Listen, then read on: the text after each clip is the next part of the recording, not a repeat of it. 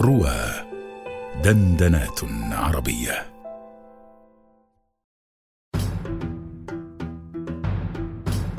القصائد الرمضانية مع محمد حجاج على رواه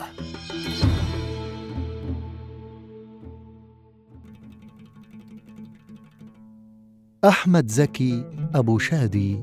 أحمد زكي ابن محمد بن مصطفى أبي شادي طبيب جراثيمي أديب نحال له نظم كثير. ولد بالقاهرة عام تسعة وثلاثمائة وألف للهجرة الموافق اثنين وتسعين وثمانمائة وألف من الميلاد.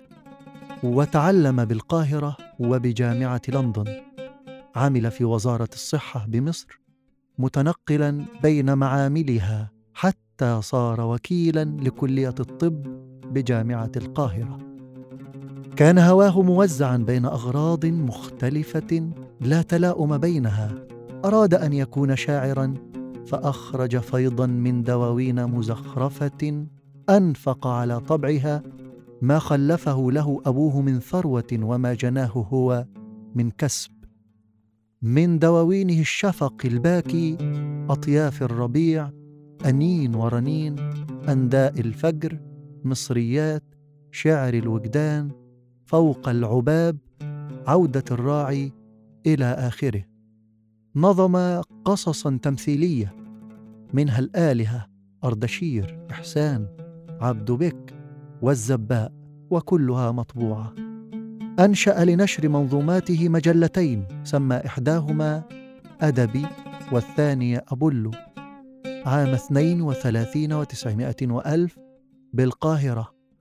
وكذلك كان نحالا ومربيا للدجاج.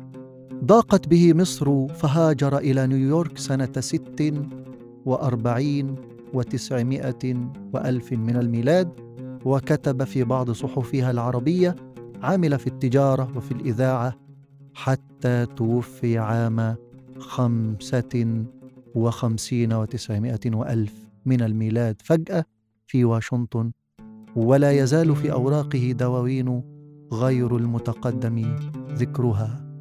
قال رمضان يا حلو الشمائل يا سمير الشاعر يا من تزين بالنجوم فواتنا كجواهر.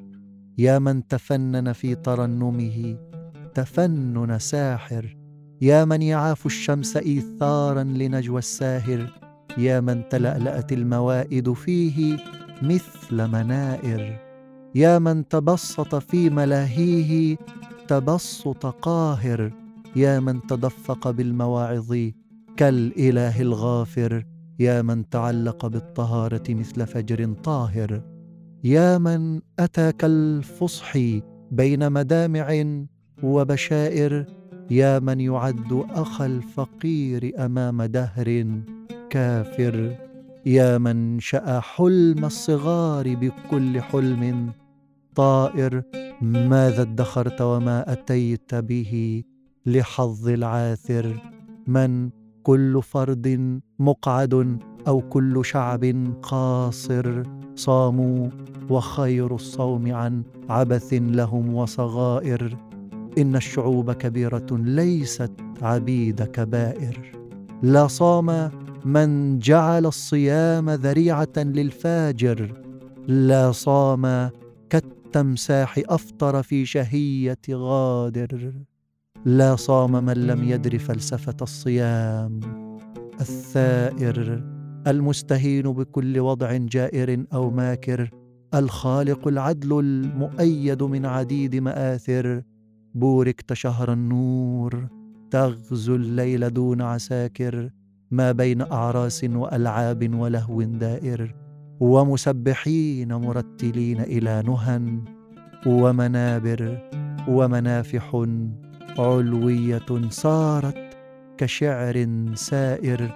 بوركت ولتهنأ بك الدنيا هناء تشاكر حتى إذا ما عدت جئت مع الخميس الظافر بالحب لا بالسيف فوق سرائر وبصائر وفتحت للإسلام كنز مآثر ومفاخر.